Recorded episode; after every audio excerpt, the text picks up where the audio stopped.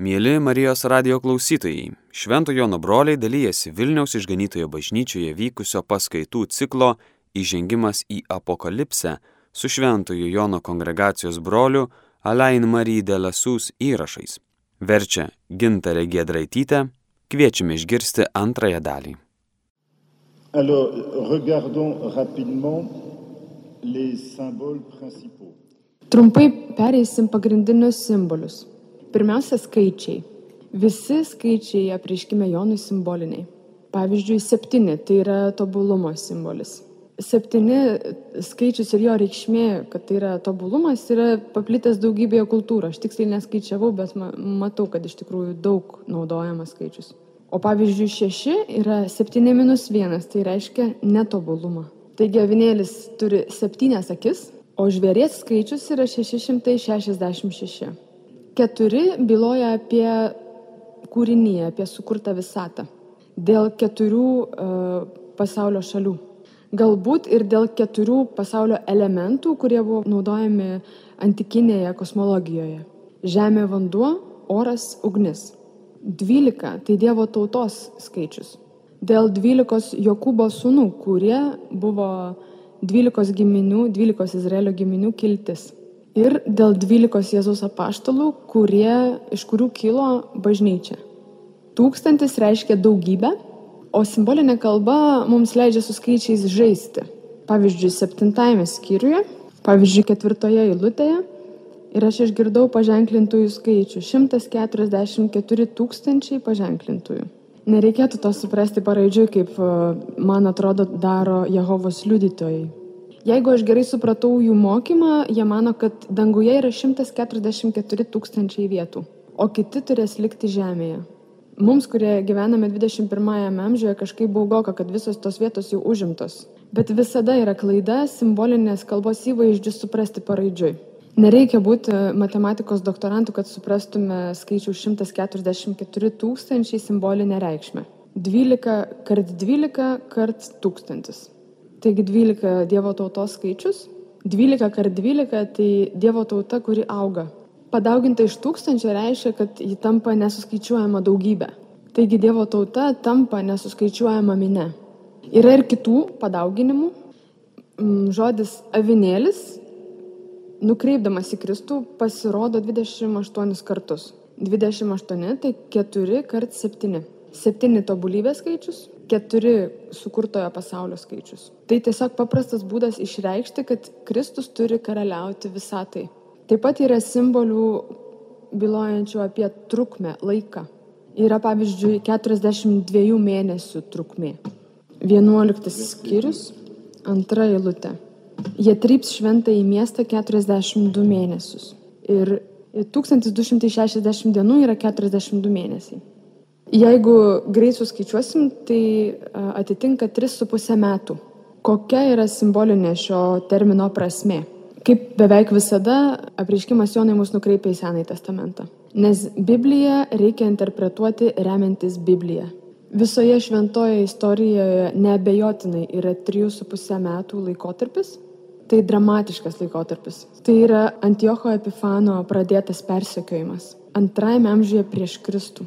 Tarp 167 ir 164 metų prieš Kristų. E, ta istorija yra Makabėjų knygoje. Šis persekiojimas turėjo išskirtinį bruožą visoje Izraelio istorijoje, nes hebrajai nulatos kentėdavo nuo savo kaimynų - egiptiečių, filistinų, sirų, babiloniečių, vėliau romėnų. Bet įvyko kažkas unikalaus per šį Antioko Epifano persekiojimą. Jis buvo Sirijos karalius. Jis norėjo Izraelyje įvesti graikų romėnų religiją su graikų romėnų kultūra. Ir jis norėjo uždrausti žydų religiją.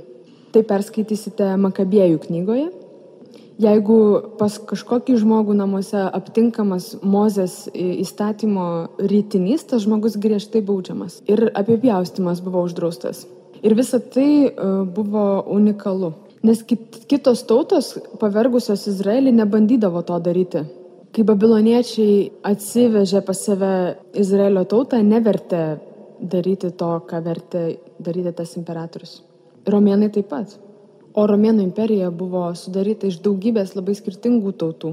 Jau vien tai, kad Romėnų religija buvo politeistinė ir dar augant jų imperijai, pridedant vis naujas teritorijas, jie atrasdavo ir suprasdavo, kad tos tautos tarnaudavo dievams, kurių jie nepažįsta. Jeigu jūs tarnauja dievams, kurių mes nepažįstam, o jokių problemų, mes juos pridėsim prie savų bet jie niekada nebandė primesti savo religijos kitai tautai. Antiochas Epifanėtis buvo vienintelis bandęs tai daryti. Ir jis pradėjo žiaurų persekiojimą, trukusi 3,5 metų. Ir Biblijoje minimi 3,5 metų iš karto kalba apie Antiochą Epifanėtį. Taigi apie žiaurų religinį persekiojimą. Tas Antiocho Epifaniečio persekiojimas tapo kažkokiu šablonu. Taigi matote, tas 1260 dienų, 42 mėnesiai yra intensyvaus religinio persekiojimo laikas. Taip pat randame spalvų. Balta, juoda, raudona, žalsva, tokia tarpinė spalva tarp žalios ir pilkos. Balta yra dangaus spalva. Danguje visi dėvi baltais rūbais. Tai pergalės tyrumo spalva ir džiaugsmo. Bet turiu pridėti, kad žydų kultūroje Taip pat yra, taip yra ir kitose daugybėje kitų kultūrų. Pavyzdžiui, moteris tuokėsi vilkėdamas baltą suknelę. Tai džiaugsmo įvaizdis. Tolimuosiuose rytuose yra kitaip. Balta spalva reiškia gedulą ir mirtį. Todėl reikia prisiminti, kad visa Biblija buvo parašyta tam tikroje kultūroje. Mes daugiau mažiau tai kultūrai artimi, o krikščionys gyvenantis tolimuosiuose rytuose turi daug daugiau pastangų įdėti, kad suvoktų tuos simbolius. Juoda reiškia mirtį, raudona kraują, todėl kartu ir žiaurumą, o žalsva yra lavonos spalva. Yra ir gyvūnų simbolių. Kalbėjau apie liūtą, lokį, leopardą. Taip pat yra erelis, jautis, drakonas, žaltys. Dar yra kitų įvaizdžių, kaip pavyzdžiui vainikas, galva, saulė, Saulė mums reiškia intensyviausią šviesą, į kurią tiesiai žiūrėti negalime. Dėl to ji byloja apie dieviškumą. Akys reiškia pažinimą. Kai skaitome, kad avinėlis turi septynias akis, jeigu primsite paraidžiui, tai pabaisa, bet nereikia skaityti paraidžiui. Akis tai pažinimas, septyni tobulumas. Taigi pasakymas, kad avinėlis turi septynias akis, reiškia, kad jis turi tobulą pažinimą. Ragas simbolizuoja galybę. Taip yra dėl hebrajų patirties, pavyzdžiui, jaučio ragas. Pasakymas, kad avinėlis turi septynis ragus, reiškia, kad jis yra galybės pilnatvėje. Ir simbolinė kalba leidžia tuos simbolius sujungti. Grįžime prie teksto, kurį neseniai skaitėme apie žvėrį, 13 skyrius. Tai žvėris, kuris aprašytas kaip uh, leopardas, liūtas ir lokys. Jeigu nesuprantame, kad tai simbolinė kalba, mes galvotume, taigi toks gyvūnas net neegzistuoja. Bet simbolinėje kalboje reikia kiekvieną simbolį suprasti jo paties kontekste. Ir simbolinė kalba leidžia persikloti tiems simboliams. Tai pasakymas, kad tas žvėris panašus į leopardą, lokį ir liūtą yra tiesiog pabrėžimas stiprus apie tai, kad tas žvėris grėsmingas. Penktajame skyriuje. Pirmoje šešta eilutės. Dar aš regėjau sostę sėdinčioje dešinėje knygos ritinį, prirašytą iš vidaus ir iš lauko, užanspauduotą septyniais anspaudais. Ir pamačiau galingą angelą skelbiantį skardžių balsu. Kas bus atve, vertas atverti knygą ir nuplėšti nuo jos anspaudus? Bet niekas, nei danguje, nei žemėje, nei po žemė, negalėjo atverti knygos, nei pažiūrėti į ją. Aš graudžiai pravirkau, kad neatsirado verto atverti knygą ir pasižiūrėti. Tuomet vienas vyresnysis man tarė, neverk, štai nugalėjo liūtas iš judo giminės, Davido atžala. Jis atvers knygą ir septynis jos anspaudus. Ir aš išvydau sosto ir keturių būtybių bei vyresniųjų viduryje avinėlį. Jis buvo tartum nužudytas ir turėjo septynis ragus ir septynias akis kurios yra septynios Dievo dvasios siūstos į visą žemę. Jonui kalbama apie liūtą, o jis mato avinėlį. Logiškai tai prieš priešą. Bet jūs man ką tik kalbėjote apie liūtą, aš nematau liūtą, aš matau avinėlį. Ir reikia žinoti, tai ar čia liūtas, ar čia avinėlis.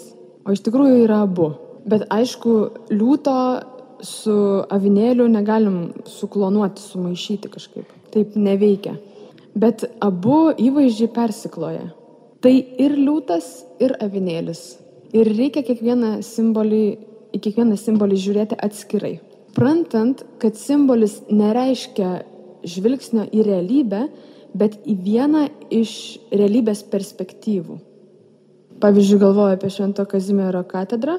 Jūs galite ją nufotografuoti iš skirtingų kampų. Iš priekio, prie įėjimo, iš šonų su visomis navomis ir vaizdas nebus toks pat. O tikrovė ta pati. Bet ta tikrovė matoma kitaip. Taigi simbolis yra tam tikra perspektyva, tam tikra tikrovės perspektyva. Čia kalbama apie Kristų, nėra sudėtinga tai suprasti, bet kaip mes turėtume suvokti, kad tai yra ir liūtas, ir avinėlis. Tai iš tikrųjų yra dvi skirtingos perspektyvos. Jėzus yra liūtas. Liūtas e, verčia galvoti apie jėgą, liūtas yra žvėrių karalius, išskyrus tolimuosius rytus, kur žvėrių karalius drakonas. Bet Biblijoje žvėrių karalius liūtas. Tai yra karališkumo vaizdinys. Nuo pat pradžios knygos jūs rasite pranašystę apie judo gentis. Judas yra kaip liūtas, o Jėzus priklauso judo giminiai ir yra Davido palikonis. Tai reiškia, jis yra kaip liūtas, vadinasi kaip galingas karalius. Avinėlis reiškia ką kitą. Avinėlis tas gyvūnas, kuris aukojamas. Taigi sąsaja visai kita bet ji taip pat labai svarbi. Ir matot tų simbolių hierarchiją. Pirmiau liūtas, tada avinėlis. E, tam tikrą prasme avinėlis tarsi ateina ir e, pataiso liūtą. Nes liūto įvaizdis taip, jis byloja apie karališkumą ir e, jėgą, bet jis taip pat byloja apie žiaurumą. Nes liūtas yra grėsmingas gyvūnas. Bet tai visiškai ne avinėlio pavyzdys. Avinėlis pirmiausia yra švelnus ir taikus gyvūnas. Niekas negali bijoti avinėlio. Taigi avinėlis užkloja liūtą ir tai yra būdas pasakyti, kad e, Jėzus yra e, kaip liūtas ir kaip avinėlis, bet atsargiai netoks piktas kaip liūtas, bet švelnus kaip avinėlis. Taigi matote, kaip, e, kokį, kokį stiprų poveikį daro šitie du vienas su kitu susiję įvaizdžiai. Žydai laukia iš Davido kilsiančio mesijo. Ir jie įsivaizdavo, kaip mesijas turėtų atrodyti. Jis turėjo būti kaip Davidas. O Davidas sumušė ir nugalėjo visus Izraelio priešus. Taigi mesijas padarys tą patį, jis nugalės Izraelio priešus. Mesijas bus ir kaip Judas Makabėjus. Jis išlaisvins šventąją žemę. Ir jis privers visus laikytis įstatymo. Taigi tokio mesijo laukia žydai. Ir jie buvo labai nustebinti Jėzaus žinios. Taip, Jėzus yra mesijas, bet jis neišvarys romėnų iš Izraelio. Jis neprivers visų laikytis įstatymo. Jėzus yra avinėlis.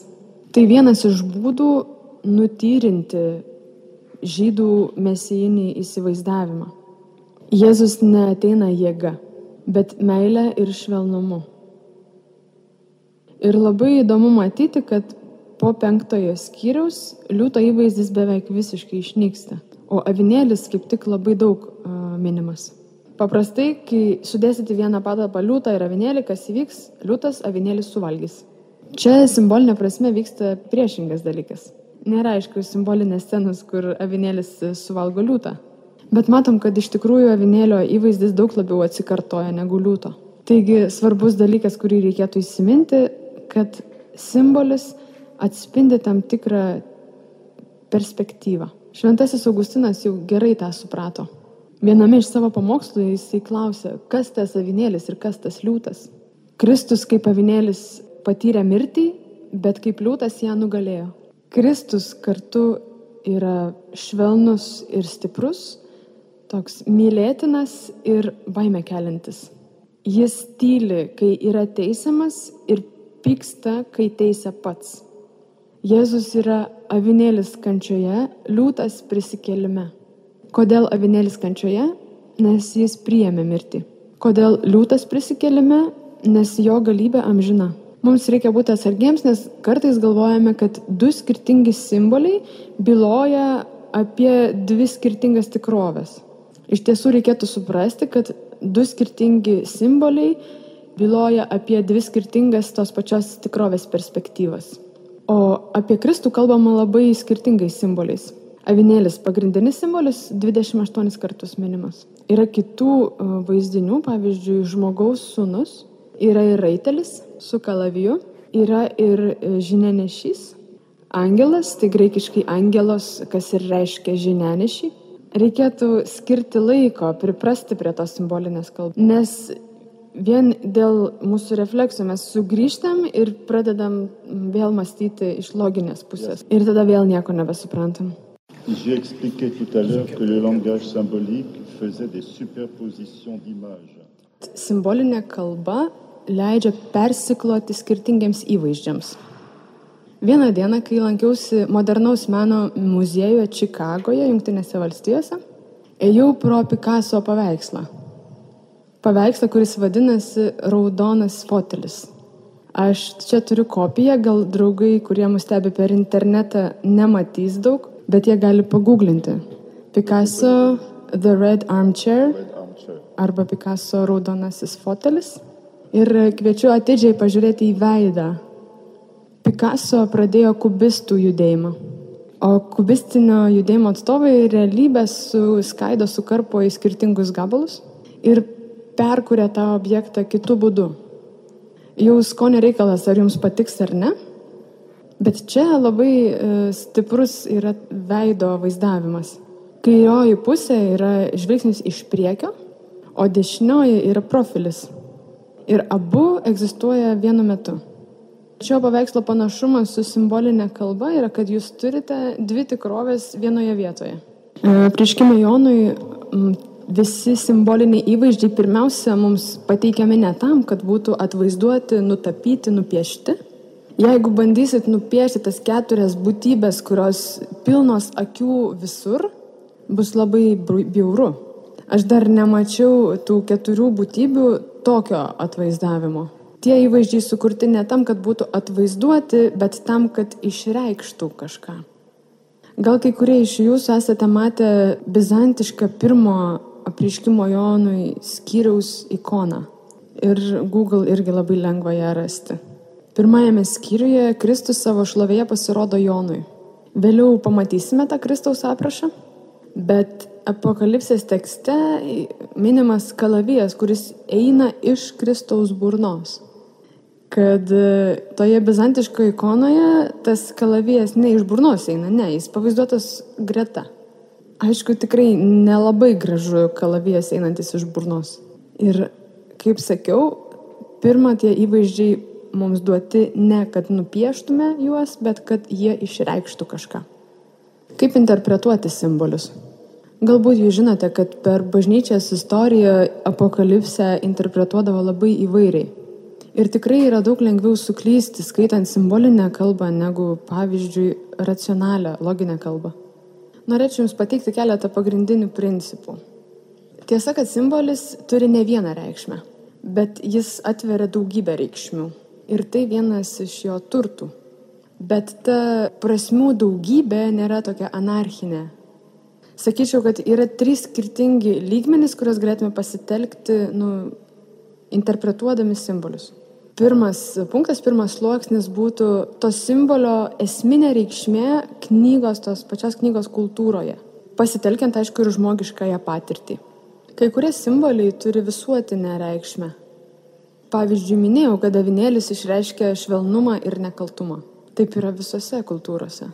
Taipogi ir auksas visur laikomas brangiausiu metalu. Iki šiandien nemačiau iš išimčių. Auksas, kodėl jisai išreiškia kažką vertingo ir brangaus? Pirma, dėl to, kad jis retas. Antra, jis teikia tokį švitėjimo, žiūrėjimo įspūdį. Trečia, tai iš tikrųjų yra sunkus metalas, kad ir mažiausias e, objektas iš aukso yra sunkus. Ir auksas yra negendantis metalas, jisai negali suirti. Bet pavyzdžiui, geležis suyra. Visos šios priežastys turbūt ir paaiškina, kodėl visose kultūrose auksas laikomas vertingu metalu.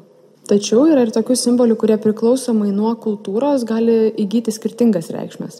Jau kalbėjau jums apie drakoną, tai sugrįšiu vėl. Vakaruose drakonas yra neigiamas simbolis. Tai galingas ir pavojingas gyvūnas. Jis spjaudo su ugnimi, o tolimuosiuose rytuose yra kitaip. Pažįstu vyskupą, kuris gyveno Vietname iki kol jo neištrėmė ne, komunistai. Paskui jis buvo paskirtas viskupu Junktinėse valstijose ir savo viskupiškam herbui jis pasirinko drakono simbolį. Aš buvau truputį nustebęs. Viskupė, o jūs drakoną pasirinkot savo herbui? Taip, taip, žinot, Vietname tai labai teigiamas simbolis. Sakau taip, gal ir patikėsiu, bet Biblijoje tai priešingai yra. Panašu, kad e, rytų kultūrose yra ir gerų drakonų, ir piktų drakonų. Aš minėjau, kad e, kiniškai tie ženklai, kurie reiškia žodį malonė, vaizduoja drakoną name. Bet Biblijoje gerų drakonų nėra. Vienintelis, kuris pasirodo Biblijoje, yra labai bjaurus, nes tai yra demono, šetono simbolis. Kai mes aiškiname tam tikrus simbolius, reikia visada turėti omenyje kultūrą. O čia mes turime hebrajų kultūros kontekstą. Kai kurie simboliai, kaip pavyzdžiui auksas, turi visuotinę reikšmę, kiti priklauso nuo kultūros, kaip drakonas. Taip pat minėjau baltos spalvos pavyzdį, kad vakarų kultūroje tai džiaugsmo ir tyrumo simbolis, o tolimuosiuose rytuose tai yra gedulo spalva. Reikia turėti omenyje, kad dieviškasis apreiškimas buvo išreikštas tam tikroje kultūroje. Ir tikrai skirtingų kultūrų krikščionims gali būti sunku priimti. Pagalvokime apie kanos vestuves. Jie, jie nebeturi vyno. Ir jeigu paimsim krikščionį gyvenantį Indijoje, pavyzdžiui, jis sakys, o tai kur čia problema? Taigi visiškai nesvarbu. Mes čia negeriame vyno. Taip, bet reikia save nunešti į tą žydišką kultūrą. O žydų kultūroje vynas yra labai svarbus. Pavyzdžiui, mokytojo knygoje sakoma, koks būtų gyvenimas be vyno. 31 mokytojo skyrius. Jis buvo sukurtas žmonių džiaugsmui. Izraelyje vestuvių švesti neįmanoma, jeigu nėra vyno. Žmogus gyvenantis kultūroje, kurioje vynas neaktualus, turi pasistengti dėti sąmoningas pastangas, kad suprastų. Antrasis simbolių interpretacijos ligmuo yra pati Biblija kaip visuma. Nes pirmasis ligmuo, minėjau, yra kultūra, antrasis yra Biblija. Todėl reikia ieškoti, kaip tas simbolis vaizduojamas kitose Biblijos vietose, pavyzdžiui, Senajame testamente. Jau minėjau avinėlio įvaizdį. Žmogiškoje patirtyje tai reiškia švelnumą ir nekaltumą, o Biblijoje tai kalba apie Izaoko auką, apie Belyko avinėlį ir kitas situacijas. Todėl reikia pažinoti, reikia išmanyti Senąjį testamentą arba jeigu ne, reikia skaityti tokią Bibliją, kurioje yra komentuojamas Senasis testamentas. Trečiasis interpretacijos lygmo, kurį noriu paminėti, yra istorinis ir geografinis kontekstas. Vadinasi, pirmieji žmonės, kurie gavo tą apokalipsės e, žinę, tie įvaizdžiai jiems kalbėjo apie tam tikrą konkretų dalyką. Paimsiu konkrečių pavyzdžių. 13 skyriaus žvėris. 13 skyriaus 1-3 eilutės. Ir išvydau iš jūros išneirant žvėrį, turintį dešimt ragų ir septynias galvas. O ant jo ragų buvo dešimt diademų ir ant jo galvų pikdžodžiavimo vardai. Žvėris, kurį mačiau, buvo panašus į leopardą. Jo kojos tarytum lokio kojos, o jos nukis lyg liūtos nukis. Slibinas atidavė jam savo galybę, savo sostą ir didelę valdžią. Vieną jo galvų aš regėjau lyg mirtinai sužeista, tačiau jos mirštamoji žaizda užgyjo ir visa žemė stebėdamasi nusekė paskui žvėrį. Taigi pirmasis lygmuo - žmogiškoji mūsų patirtis. Trys minimi žvėris mums byloja apie grėsmingą padarą. Perkloti tuos tris e, gyvūnų vaizdinius reiškia sustiprinti tą grėsmingumo įvaizdį. Antrasis interpretacijos lygmo - Biblija. Ar kur nors kitur Biblijoje yra tokių vaizdinių? Atsakymas yra taip. Danieliaus septintas skyrius. Danielių 7 skyrius nuo 1 iki 8 eilutės. Keturi grėsmingi gyviai išniro iš jūros. Pirmoji buvo panaši į liūtą, antroji į lokį, o trečioji į leopardą. Ir tada pasirodo ketvirtas žvėris, dar baisesnis už prieš tai buvusius. Mums pasisekė, nes Danieliaus knygoje yra minima tų įvaizdžių prasme. Šie keturi galingi žvėrys simbolizuoja keturias karalystės, kurios pasirodys istorijoje viena po kitos ir viešpataus. Pirmoji imperija Babilonas, antroji Medų imperija, trečioji Persų imperija ir ketvirtoji, kuris sunaikins visas prieš tai buvusias Aleksandro didžiojo imperiją. Taigi matote, Biblijos kontekste tas grėsmingas žvėris iš karto sukelia minčių apie imperijas Apokalipsės laikais kokia viešpatavo imperija? Atsakymas - Romos. Ir trečiasis lygmuo - istorinis kontekstas. Yra viena tokia labai įdomi detalė. 13 skyrius trečia eilutė. Vieną iš jo galvų aš regėjau lyg mirtinai sužeista, tačiau jos mirštamoji žaizda užgyjo. Ir tai paminima tris kartus. Jeigu ieškosite istorinių sąsajų, atkeliausite prie imperatoriaus Nerono. Neronas buvo imperatoriumi 60 metais maždaug. Ir Neronas buvo pirmoju imperatoriumi, kuris persikėjo krikščionis. Ir tada 60 metais atsirado pirmieji Romos kankiniai.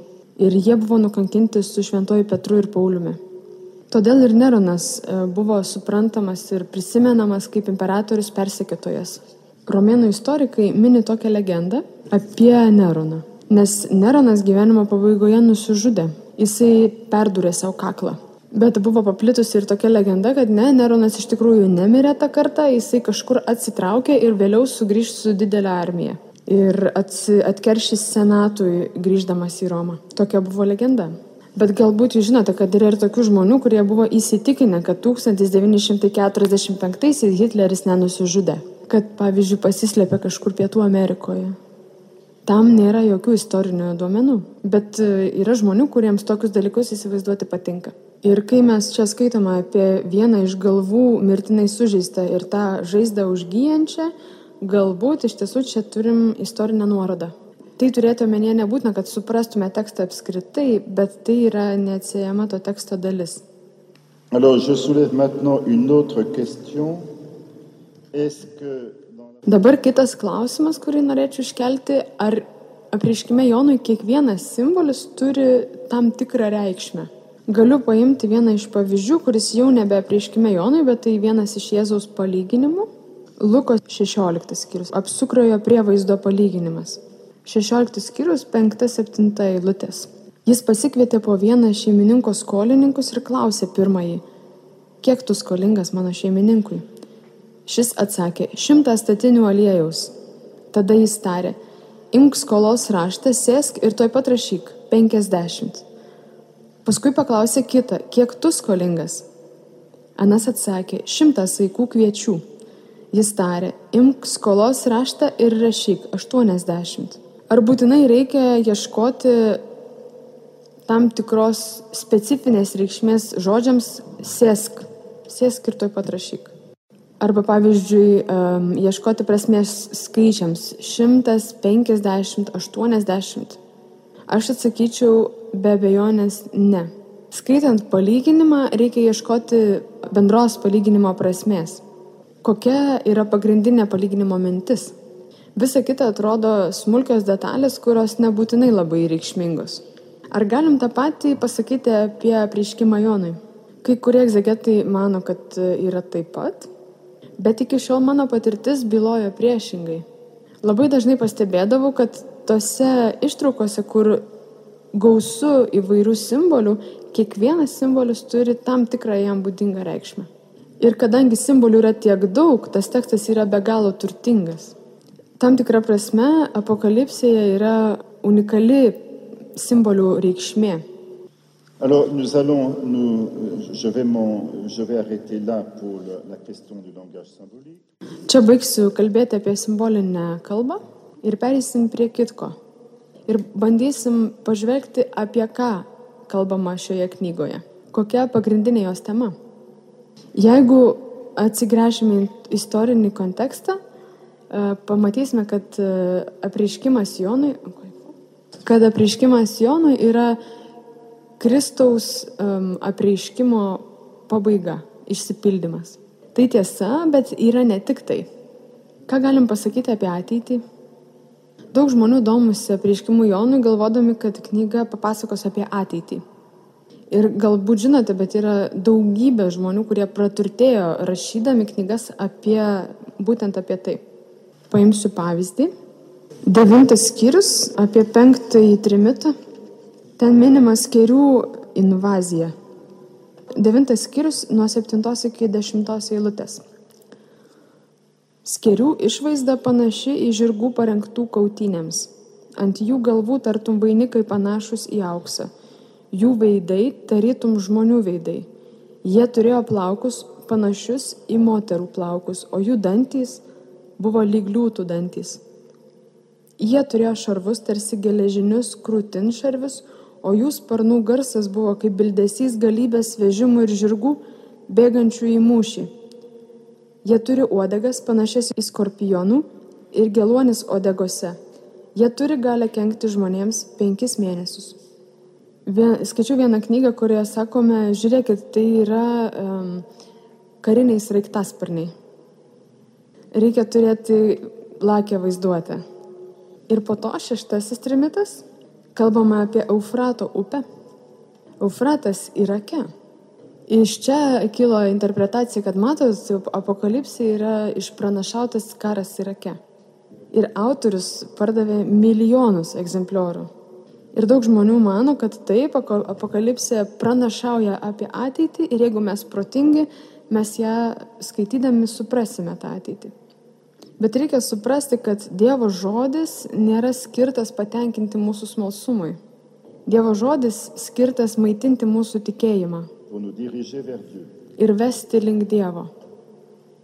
Ir iš tiesų yra laiko švaistimas bandyti ieškoti ateities pranašyščių apriškime Jonui. Apie ką kalbama šioje knygoje? Aš manau, kad apriškimas Jonui nušviečia mūsų žmogiškąją piligrimystę, dievišką šviesą. Jūs žinote, kad e, Dievo tauta išgyveno tremtį tremti Egipte ir paskui grįžinėjo į Šventąją Žemę. Vėliau tremties įvaizdis yra perimamas Izaijo knygoje. Tas momentas, kai hebrajai išėjo iš Babilono, kad grįžtų į Izraelį. Izaijas tą sugrįžimą aprašo kaip naująją tremtį. O apreiškimas Jonui mm, kalba apie Dievo tautos bažnyčios žemiškąją piligrimystę ir ją aprašo kaip naująjį išėjimą. Ir dėl to joje yra daug, daug įvaizdžių iš išėjimo knygos. Pavyzdžiui, Egipto negandos, Raudonoji jūra, Mana, Balamas ir taip toliau. Apreiškime Jonui bandoma mums pasakyti, kad bažnyčia gyvena kelionėje. Todėl reikėtų išsikelti klausimą, koks yra šios kelionės pradžios ir pabaigos taškas. Per pirmąjį išėjimą reikėjo iškeliauti iš Egipto link Kanano žemės. Antrajame išėjime reikėjo palikti Babiloną ir keliauti į Izraelį. Bet visa tai buvo geografinės kelionės su realiu vietos pakitimu. O apreiškimas Jonui yra dvasinis išėjimas. Um, kelionės tikslą suprasti gana nesudėtinga. Knygos pabaigoje minima dangiškoji Jeruzalė krikščionys keliauja tą kelionę link dangiškosios Jeruzalės. O koks yra kelionės pradžios taškas? Tai surasti sudėtingiau. Bet galima pasistengus surasti. Išėjimo taškas - Babilonas. Tik dėmesio tai jau nėra istorinis Babilono miestas. Nes ap apreiškimo Jonui laikais Babilonas jau keletą amžių nebeegzistavo. Jei neklystu, Babilonas buvo sunaikintas apie 412 metus prieš Kristų. Nes tuo metu Babilonas te buvo grūvėsiai, niekas jame nebegyveno. Reikėjo palaukti XIX amžiaus archeologinių kasinėjimų, kad būtų atrastas tas archeologinis Babilono miestas. Apriškime Jonui, Babilonas nėra konkretus geografinis miestas, tai simbolis. Šis simbolis byloja apie šalį priešę, kuri engė hebrajus ir ta šalis pagoniška. Ir sakyčiau, kad Babilonas, apriškime Jonui, simbolizuoja pagonybę. Taip pat tai yra gyvenimo nuodėmėje simbolis. Vieta, kurio, kurioje būdami nemastom apie Dievą ir nesirūpinam jo įsakymais. Taigi krikščionys turi iš Babilono išeiti. Konkrečiai tai reiškia, kad jie turi išeiti iš nuodėmės. Taigi kalbama apie dvasinį nuotykį, dvasinę kelionę. Palikti nuodėmės gyvenimą, kad keliautume į dangų. Ir apie tą išėjimą, apie tą kelionę, prieškime Jonui kalbama pasitelkiant įvaizdžius iš paties pirmojo išėjimo, iš Babilono išėjimo. Tačiau ši kelionė neaprašoma istoriniais, e, veikiau svarbiausiais principais apibūdinama. Sakoma, kaip Dievas veda savo tautą. Ir tai apokalipsė ir parodo. Jie atskleidžia ne e, žmonijos istorijos detalės, bet kalba apie pagrindinius ėjimo su Dievu principus. Pavyzdžiui, prieškime Jonui labai aiškiai kalbama apie tai, kad bažnyčia turi sekti Kristaus pėdomis iki pat mirties ir prisikelimo laimiai. Ir ši perspektyva taip pat leidžia geriau suprasti apreiškimo Jonui sąsąją su apaštalų darbais. Šventasis Jonas taip suprato, kad mes šiais laikais išmanysime Senąjį testamentą ir kad atpažinsime jo nuorodas į jį. Bet jeigu dabar atsigręšime į Naująjį testamentą, kokios yra apokalipsėje artimiausios knygos? Nei viena iš jų neturi vienodų literatūrinių žanrų. Bet pati pirmoji knyga, kuri artima prieiškimui Jonui, jūs nenustebsit, tai yra Jono Evangelija. Yra daug panašumų tarp ketvirtosios Evangelijos ir prieiškimo Jonui. Kai kurias sudėtingas apreiškimo Jonui ištraukas apšviečia Švento Jono Evangelijos tam tikros vietos. O antroji knyga, kuri padeda geriau ją suprasti, yra paštalų darbai. Tai gali stebinti, nes ne tik literatūrinis žanras labai skiriasi, bet net ir autorius ne tas pats. Ne Jonas, o Lukas parašė apaštalų darbus. Bet aš tuo įsitikinau keletą kartų. Ir jeigu apie tai galvojam atidžiau, iš tikrųjų prieinam prie išvados, kad taip, jie tikrai panašus. Taip yra todėl, kad apreiškime Jonui pateikiami didieji principai, kaip sekti Dievu istorijoje, o apaštalų darbuose parodomi pirmieji bažnyčios žingsniai po sėkminių. Apaštalų darbuose jums parodomi konkretūs pavyzdžiai, kaip įgyvendinti tą kelionę, kuri aprašoma apreiškime Jonui. Tai, kas svarbu atsiminti, yra, kad Dievas Jonui perdoda pagrindinę mintį apie tai, kaip jis Dievas veda savo tautą. Kristaus mokiniai privalo palikti Babiloną ir keliauti link dangiškosios Jeruzalės. Tai yra dvasinė kelionė. Kitas klausimas, kuris yra įdomus, bet ir sudėtingas, tai knygos sandara, struktūra. Yra keletas Biblijos knygų, dėl kurių egzegetai sutarė. Ir dėl kai kurių knygų jie nesutarė. Ir dar nebuvo atrasta tokia apokalipsės prieškimo Jonui struktūra, su kuria visi egzegetai sutiktų. Ir tiesa, kad ši problema nelengva. Bent jau galima atrasti elementų, dėl kurių visi sutarė. Taigi yra keturios septynetų grupės. Taigi tai yra laiškų septynetas, ant spaudų septynetas, septynetas trimitų ir septynetas taurių. Visi sutinka dėl to, nes tai labai aiškiai parašyta tekste.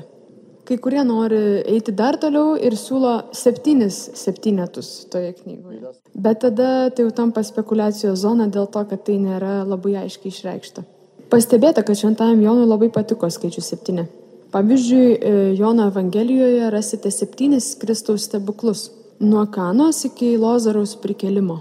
Taip pat pastebėta, kad e, apriškime Jonui yra septyni palaiminimai bet iki šiol neįrodyta, kad jos turi svarbų vaidmenį visoje knygos struktūroje. Ir keturis kartus yra pastebėta frazė buvau dvasios pagavoje arba kitai žodžiais ekstazėje.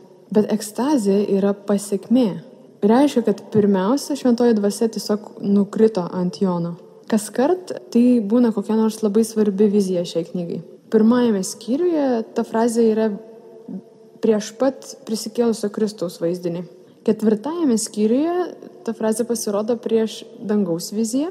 Trečiąjį kartą 17 skyriuje prieš didžiosios ištvirkelės pasirodymą. O ta didžioji ištvirkelė yra dar vienas Babilono įvaizdis. Ir ketvirtąjį kartą ta frazė randama 21 skyriuje prieš dangiškosios Jeruzalės viziją. Panašu, kad šios keturios vizijos yra ypatingai svarbios. Dar viena problema, kuri supriešina egzegetus, Biblijos aiškintojus. Apriškime Jonui vaizduojamas tam tikros atskiros scenos. Bet kaip suprasti tvarką tų scenų? Kai kuriems atrodo, kad tai yra linijinė tvarka. Tai reikštų, kad pavyzdžiui e, įvykiai vaizduojami trečioje scenoje įvyko chronologiškai po tų, kurie buvo pirmoje ir antroje scenoje. Tokiu atveju jūs tiesiog matysite chronologinę įvykių seką knygoje. Ir yra dar vienas būdas aiškinti tą struktūrą, tai nelinijinė, bet tokia suminė tvarka. Tai reikštų, kad ta pati realybė vaizduojama tiesiog kitais būdais. Ir jeigu, pavyzdžiui, knygoje veiksmas penktojoje scenoje vyksta po veiksmo trečiojoje, nereiškia, kad penktosios scenos įvykiai vėlyvesni. Galbūt tai net tie patys įvykiai vaizduojami kitų būdų. Ir čia Biblijos aiškintojai nesutarė. Aš manau, kad apriškime Jonui visgi yra ta suminė struktūra. Ir tai buvo supratęs jau pats pirmas apriškimo Jonui komentatorius, vyskupas Viktorinas, trečias amžius po Kristaus. Tai yra pirmas turimas visos knygos komentaras. Per ateinančią paskaitą aš kalbėsiu apie tai, kodėl visgi yra ta suminė struktūra. Nes jeigu nepasinaudosim šito įrankiu, tai nieko nesuprasim. Brangus Marijos radio klausytojai, Švento Jono broliai dalyjasi Vilniaus išganytojo bažnyčioje vykusio paskaitų ciklo Įžengimas į apokalipsę su Šventojo Jono kongregacijos broliu Alein Marydė Lasūs įrašais. Ką tik klausėmės antrosios dalies - vertė Gintarė Gedraitytė. Likite su Marijos radiju.